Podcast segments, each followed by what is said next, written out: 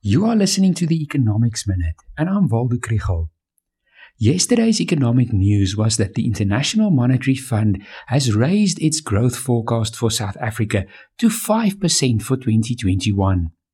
The concern is the medium term outlook for next year and beyond.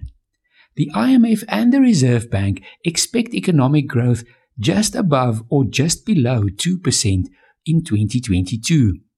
The IMF predicts only 1.3% growth for 2023 through to 2026. If we hope to muddle through, the economy will end up in a low growth trap, and in real per capita terms, we will be growing poorer. There are several reasons why we have fallen in this trap, but there's only one way out of it far reaching and comprehensive economic reform.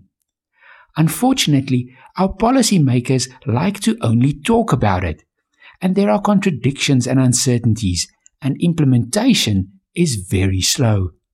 As a result, investment remains low. An aspect of policy that I'm particularly concerned about is the regulations around so called localization. There are master plans, tariff protection, and prescriptions for the percentage of locally produced inputs. To me, this does not sound like ideas for building an outward looking, internationally competitive economy.